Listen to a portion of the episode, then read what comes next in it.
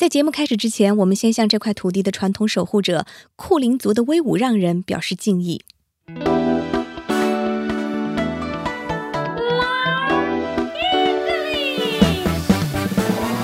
听众朋友，大家好，您正在收听由 SBS 学英语为您倾情打造的真人秀双语英语学习类谈话节目《英文难不难》。我叫 Dory，是 SBS Learn English 的内容制作人，也是《英文难不难》的节目主持人。更重要的一点，我还是一名有着超过十年学龄的英语学习者。我认为啊，在英语学习的道路上，虽然每个人的遭遇都是 so different，但遇到的问题却是 same same。来，让我们一起来听听 Vanessa 的故事，看看跟你像不像。Hello，大家好，我是 Vanessa。在国内呢，我曾是一名新闻主播，但是就在一年前，我奋不顾身的拖家带口来到了澳洲，开始了我的新移民生活，嗯，也开始了我兢兢业业的新媒体创业之路。更重要的一点，我还是一名既无奈又困惑的大龄英语学习者。听起来你的生活很精彩嘛？澳大利亚山美水美，奋斗的 Vanessa，你的人生会越来越美哦。话说的没错，可是移民之路千难万难，学好英语更是难上加难。说英文有那么难？学英文是真的难。嘿嘿，让我们拿出点士气好吗？让我们再来一次。英文难不难？哦，Vanessa，现在感觉怎么样？啊，我觉得很就有点压力吧，因为要要让大家看到说啊，我的英文真的还没有那么好。对，要要要给大家看看，就是我也想让把我学英文的过程去展示给大家，通过大家看着我学英语的历程，希望我也能把我的英语学好，也能给大家一点信心，说嗯，英语其实没有那么难。对，就像我们在节目开始提到的，其实我相信每个人学英语的这个经历都是一本血泪史。包括我自己来了澳洲这么多年，我现在也是持续的在学习。我觉得真的就是每个人的遭遇可能都不同，但是其实我们遇到的问题都是一样的。所以我觉得你也不要怕，因为这也是我们为什么要做这个节目的原因。对，而且我知道。我一定要给自己一段时间，它一定是有一个过程的。没错，语言呢，它是一个工具，你只有不断的去说它，不断的去用它，你才能够进步。不过话说回来，今天真的要跟你说一声恭喜啊！几经辗转，你终于在这里买到了一套你心仪的 house 啊！谢谢。哇，怎么样？觉得在澳洲买房跟在国内买房有什么区别吗？哦，我觉得在澳洲买房真的是太难了，因为在澳洲的买房子每一套房子都是不一样的，在国内你看好户型就可以了，但是在这儿不可以，你每一套房子都得自己去看。看房子都是有固定的时间，所以你的每周都会有一段时间就用来看房子。没错，然后最难的一点是要用英语去买房子 啊，挑战有点大。来来来，快告诉我到底发生了什么事儿。从一开始，我是真的抗拒去买房子，不是因为我不想要在这儿买一个自己的房子，而是因为找房子用的软件呢也是全英文的。如果你在软件里看到了什么信息，你想了解一下，打电话过去又是英文。看房子的时候呢，来接待你的不一定都是华人中介，很多时候你都需要跟西人中介用英文去沟通。最最最难的就是你还得去捕捉到中介给你的那些信息，特别是数字，因为这个我还闹了一个大笑话。 Now, hi Vanessa, it's great to see you. Hi Sam, nice to meet you. Likewise. Now, how can I help you with your property search? Um, we want to find a house. Yes, okay. And in terms of what you're looking for in a house, in what rough budget are you looking to spend for the right property? What, what what a rough budget. Budget? Yeah. Yeah. Uh, money. What sort of um, price? Oh. Price. Uh, 50 million. 15 million. Yeah. Wow. That's a very sizable budget for Oh, a home around here. Yeah. Yeah, really. Oh. 15 Are you sure it's 15 million? Yeah. Yeah, okay. 15 million.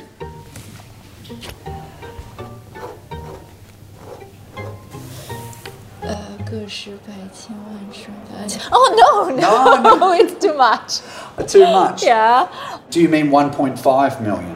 yeah, 1.5 million. Right, Yeah. fantastic. Still a very sizable budget for what you're after. Uh, what sort of areas would you like to be in? Mm, wh- What? Uh, what location? What location? Uh, in in the Bayside. Yeah. Fantastic. Well, it's certainly something we'd love to help you with. It's a constant battle, specifically numbers, yeah, with Mandarin speaking clients that we deal with in the property market. So, for example, I would ask a Chinese buyer out there in the market what they would like to offer, and a lot of the time the response is 120. Now, I know dealing with a lot of Chinese Mandarin speaking clients that they mean 1.2 million, but that's a fair difference from 120. So, if you aren't speaking um, English, sometimes it can be a very expensive mistake. 哇，我只能说你是幸运的，Vanessa，不然的话你可能犯了一个很贵的错误。对，还好 Sam 把它写在了纸上。数字，我觉得这应该是一个大家都很有共鸣的问题。别说你了，嗯我在这儿已经生活了可能七八年了吧。嗯，我到现在可能谈到很多跟数字有关的问题，我都还是会回不过神来。还有一些就是用到数字，我觉得会比较容易混淆的是什么呢？就是有时候我带我女儿去买鞋，嗯，然后她会问你多大的脚，他们会用到 feet 或者 inch 这个单位，哦，这个你不要问我，完全不懂。因为我们会比较习惯，就是说，比如哎，三十六码、三十七码，对然后一转换到 inches 或者是 feet，我们就会转换不过来了。哎，我是比如说去买菜的时候，嗯就因为我这边都是用 kilo kilo 嘛，kilogram 呀 kilogram gram，、公斤，对，这里都是用公斤，但是我们国内都是会用斤，其实应该是 five hundred gram five hundred gram 是，一斤，就国内的一斤，我以为 five hundred gram 是半斤，是一斤。一斤哦，one kilo，one kilo 是两斤。One kilo 是一公斤，但是是两两斤。Oh my god！对，这个我是在很长一段时间之后我才弄明白的。然后他们每次问你问我，嗯，你要多少？然后我说 one gram，那是一克。对，one gram。然后人家就说啊，one gram。然后我就说哦，one kilo。然后呢，就给我搞一个两斤过来，就脑子经常会转不过来这种单位。有些时候，我们中国人对这个数字理解不好，可能不是因为我们英文不好，是数学不好。真的是思维方式不一样。一万他们不叫一万，他们叫 ten thousand，、Ten thousand，所以他们是以三个零为计数的。嗯，对，所以我觉得在这里也是提醒我们的听众朋友，有时候如果你听不懂。不要灰心，因为可能不是你英文的问题，而是你数学的问题。可能你在找英文老师的同时，也需要找一个数学老师来补下你这么一说，大家更灰心了。没问题，没问题，别慌，别慌。我们在稍后的节目当中会给大家提出一些解决的办法。嗯那你觉得除了这个以外，还有什么别的原因吗？啊，我觉得还是发音、语音上面的问题。语音上面的问题。对你，比如说，呃，我经常会去确认的一个问题就是 t 和 tin。啊、当我们表达，对比如说我们说十七，seventeen。比如说七十，Seventy。在英文当中这个叫 stress syllable，呀就是重音的音节，错误的重音格式就会导致我们在发这个音的时候会出现一些错误。所以我经常别人告诉我一个数字之后，比如说 seventeen，我会 我会再问一遍 seventeen，或者说 one seven，这是一个很聪明的方式，对，我要去确认一。下。我到现在有时候也会，就是听的时候，如果别人说的太快，我也会确认一下，Are you talking about one seven or seven zero？呀，我觉得这样子人家是可以接受，人家是可以听懂的。其实我们不需要害怕。我觉得很多像我们华人一开始来到这里会比较胆怯，不敢说，可能就是顾虑太多，觉得哎呀我的发音又不好，我是不是语法又有问题？其实在我们每天的生活交流当中，这些都不是都不会介意。其实 local people 他能理解你们刚来、嗯。呃语言不好的这这么一种情况，他们会有时候你告诉他我英语其实并没有那么好，嗯，然后他会把语速去放慢。对，然后我记你也提醒了我一件事情，就是在我父母疫情之前过来的时候，嗯。有一次就是他们两个去逛街，嗯，去逛街，然后我当时因为有一点事情就走开了，然后呢，我妈妈非常想试一双鞋，聊天聊那个鞋的过程当中，可能就涉及到了就是尺码的问题，嗯。然后呢，因为我父母的 英文能力也非常有限，嗯。然后我爸爸就用了就是 body language，哦。就是身体语言，因为我爸爸不会说 bigger、smaller，他不知道怎么去表达大一码、小一码这个，他知道 up and down。然后那个售货员有给我妈妈一双可能是三十六码的鞋，嗯，然后呢，可能就是写的尺码太小了，我爸爸想给他表达的就是可以大一码嘛，我爸爸就用了肢体语言说 up up up，就一直在举 up up up，然后人家真的就给了他一双更大码的鞋，有时候肢体语言真的很有用。对对，很有用。之前我们有家人在在在国外的时候说要买鸡翅，他们就呃咕咕咕咕 咕咕咕咕，，and people get it，但他们理解了，就不要害怕，不要怕难为情。你肢体语言能把你所有能想表达的东西表达出来，你就成功了。刚刚我们已经谈到了是我们发音。pronunciation 的问题，嗯然后我觉得你会不会觉得，其实有时候我们在很多数字的应用上也有一些文化性或者习惯性的问题？我举个例子，像我们在中国，我们表达日期的时候，嗯我们会说年月日，啊，对不对？有有。有，因为在这边我还专门去查过这个事情，因为经常刚来上学的时候填表格，就经常会碰到这个日期。对，我上网去查了一下，然后我要确定它是它是叫 day day month month Yeah year 你在上面看到的应该是 D D，然后 M M，然后 Y Y，呀。对，然后这个对我来说一开始也是很不适应的，嗯就你看，我不知道这个日期该怎么填，可能第一嗯次、第二次都是错误的，但是人家可以理理解和可以接受，对因为你们嗯刚来嘛，对，所以我觉得可以说，生活当中接触数字真的是 太多，太多了。学好数字，提高自己对英文中数字表达的理解力和听力，我觉得也是我们在学英语过程当中需要注意的一个问题。对你如果把数字说对了，人家会觉得你的英文 fabulous That's a great. Say that again. fabulous Fabulous. fabulous。 Fabulous, good, I love it。我们就要这样 good good study day day up。好了，我这个是 Chinglish 啊，这个是一个错误的示范，大家不要 take、那我们刚刚也聊到了很多关于就是中国人为什么对数字非常困惑的问题。接下来我们一起来看看，到底有一些什么样的解决方法呢？ 为了找到这个解决问题的方案，我也是咨询了我们 SBS Learn English 的英语老师，还有一些我身边 local 的朋友。然后大家就建议，就是第一个就是说的不行，你就用写的。啊，这个对我来说太有用了。这个应该你在跟 Sam 交流的那个过程当中，你们后来也是表达不清楚就写下来，特别重要的数字一定要让他们写下来。尤其是在买房的过程当中，一百五十万说成一千五百万，这个可是一个大错误，千万不要犯这个错。对，一百五十万可能就是一千五百万的那个定金。第二个方法呢，就是很多老师都提到，我们在平时说英文、听英文、交流英文的过程当中，要有意识的捕捉身边对数字的描述。啊，就是要我们自己去多留意，是吗？多留意就别人在说的时候，你去听一听，然后你嗯自己给他脑子里翻译一下。对，啊因为可能就我自己个人而言，我是一个对数字特别不敏感的人，这就导致了为什么我在这里生活了七到八年，我到现在对数字的理解能力还是很差，谁不是呢？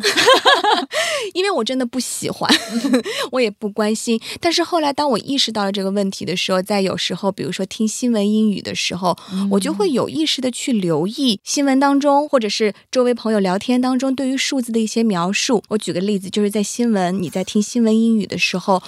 到财政年左右，他们经常会用到这样的一个描述，就是 the first quarter year 或 the second quarter year。啊，我在很长一段时间都不知道这是什么意思。第一季度、第二季度，对 其实就是这个意思，因为我们想一年有十二个月，quarter 其实是四分之一的意思，对，所以 first quarter year 就是第一季度，然后 second quarter year 就是第二。哎，我觉得你对数字的敏感度比我强哎，因为我。给我儿子辅导数学作业比较多吧？哎，Tip number three，有小朋友的妈妈、爸爸、爷爷奶奶多跟小朋友辅导数学作业，能提高亲子关系的同时，还能提高你对英语的理解能力哦。别辅导错了就行。下一个 tip，其实这个 tip 呢是 Sam 给我们的一个提示，让我们一起来听听 Sam 是怎么说的。Yeah, with numbers, a really good tip for me is as long as uh, Mandarin speaking people know the numbers in English from 1 to 100, they will then be able to work out what increments I'll be talking about as far as thousands. So, for example, 1 comma 3 zeros, 1,000. 10 comma 3 zeros, 10,000. 100 comma 3 zeros, 100,000. And that's probably the best tip I can offer. but it would still take a lot of practice. Practice makes perfect. You need to practice everything. 你觉得 Sam 的建议怎么样？听懂了吗？啊，他的建议是非常好，但是我觉得可能对于我们来说，因为他他讲的就是 简单的来说，我觉得他给出的建议就是，如果我们知道英语中从一到一百的描述，我们就应该能够。非常明白的懂得十万、百万、千万在英语中是怎么表达的。我觉得呢，对于英文母语者来说，这是 make sense 的。对，但是对我们 Mandarin 普通话母语者来说，这是不 make sense。我觉得我们要用他们的这种思维方式去去记数字的话，嗯，我要一听到我马上反应过来是什么数字的话，还是需要很久的训练的，还是需要很久，而且这中间还存在一个数学思维的转换。我要去算一下。但是我觉得 Sam 他刚刚给到了一个，就是我用了一个比较笨的办法来说他的这一点，因为我觉得就是我们虽然不能够快速的转换，但是我们可以死记哦，怎么记？所以我这里就有了一个口诀，就是基于 Sam 给大家提供的这个 tip，这个口诀就是我们记住 units、tens、hundreds、thousands、ten thousand、hundred thousand、the million，其实就是用我们中文的。个位、十位、百位、千位、万位、十万位、百万位，个十百千万这样的一个口诀，我们直接把它翻译过来啊，翻译过来，然后再用英文的这个模式去记忆一下。我们试一下，我们可以试一下。你可以，你可以先先先念一下这个口诀：units, tens, hundreds, thousands, ten thousand, hundred thousand, million。对，其实就是，然后你想象就是 thousands 就是我们说的千位，然后万位，只要你听到了 ten thousand，你就脑子里面就想，OK，这是万位的表达 ten thousand，然后十万位的表达 hundred thousand，只要你听到了 hundred plus thousand 在英文中的这个表达，你脑子里就迅速的用肌肉记忆法反映出来，这是十万位的表达，然后到了 million 就是百万，因为英文当中又有对百万的这个描述方法，就是 million 了。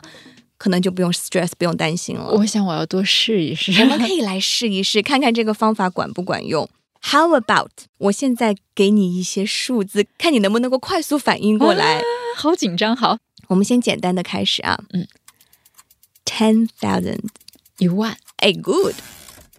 Fifteen thousand 一万五，哇，真的，我自己的第一反应都是十五万，真棒。Fifty thousand and three hundred，一万五千三百。对，哦，你看还是有用的，还是有用的，对不对？好，下面这个有一点难了啊。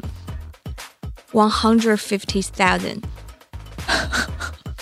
One hundred fifty，十五万，十五万，one hundred，哦，十万五千，one hundred fifty thousand。记住我们刚刚讲的，我们一提到 Hundred thousand 是什么？是十万，对，是十万这个单位。嗯，fifty or fifteen，fifty one hundred fifty thousand，十万零五千，one hundred fifty thousand，十五万。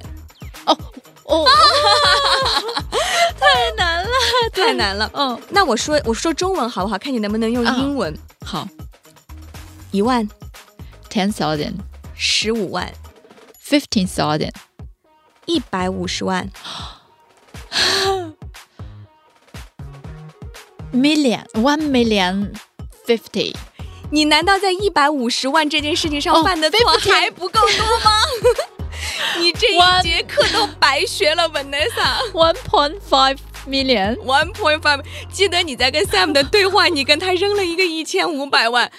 我看你下次买房子可能还是是会买卡在这个问题上。啊，我会不停的付定金的。对，不停的付定金。其实我觉得就是通过这个小小的测验，我觉得就是有一些方法，有一些技巧，但是归根结底，我觉得大家还是要多听、多嗯练、多说、多用，这样可能才能够真正的形成一种比较习惯性的英文的数字表达方式。好多买几套房子就懂了。这个很好。我觉得就是通过今天的讨论，有没有减低你 对数字的恐惧？哦，我觉得我自信嘞，我至少前面的题都答对了。后面我也有为难你，然后讲真话，放我我我我也不知道。我会觉得说数字其实没有那么难，嗯就我们可能一下子肯定反应过来，每一个人都是反应不过来的。嗯但是你通过不停的练习，然后就像你刚才的方法，帮我理清了思路以后，嗯，我在日常生活中多去留意，自己脑子里翻译几遍，我觉得这个事情是我们可以完成的。是我们可以完成，而且我觉得我们跟大家分享的方法也是，啊、也是我们觉得受用的方法。但是我觉得大家一定要自己多试、多说，找到适合自己的学习方法，我觉得才是最重要的。我知道了，Dory 老师，我不是老师，我也是一个学习者。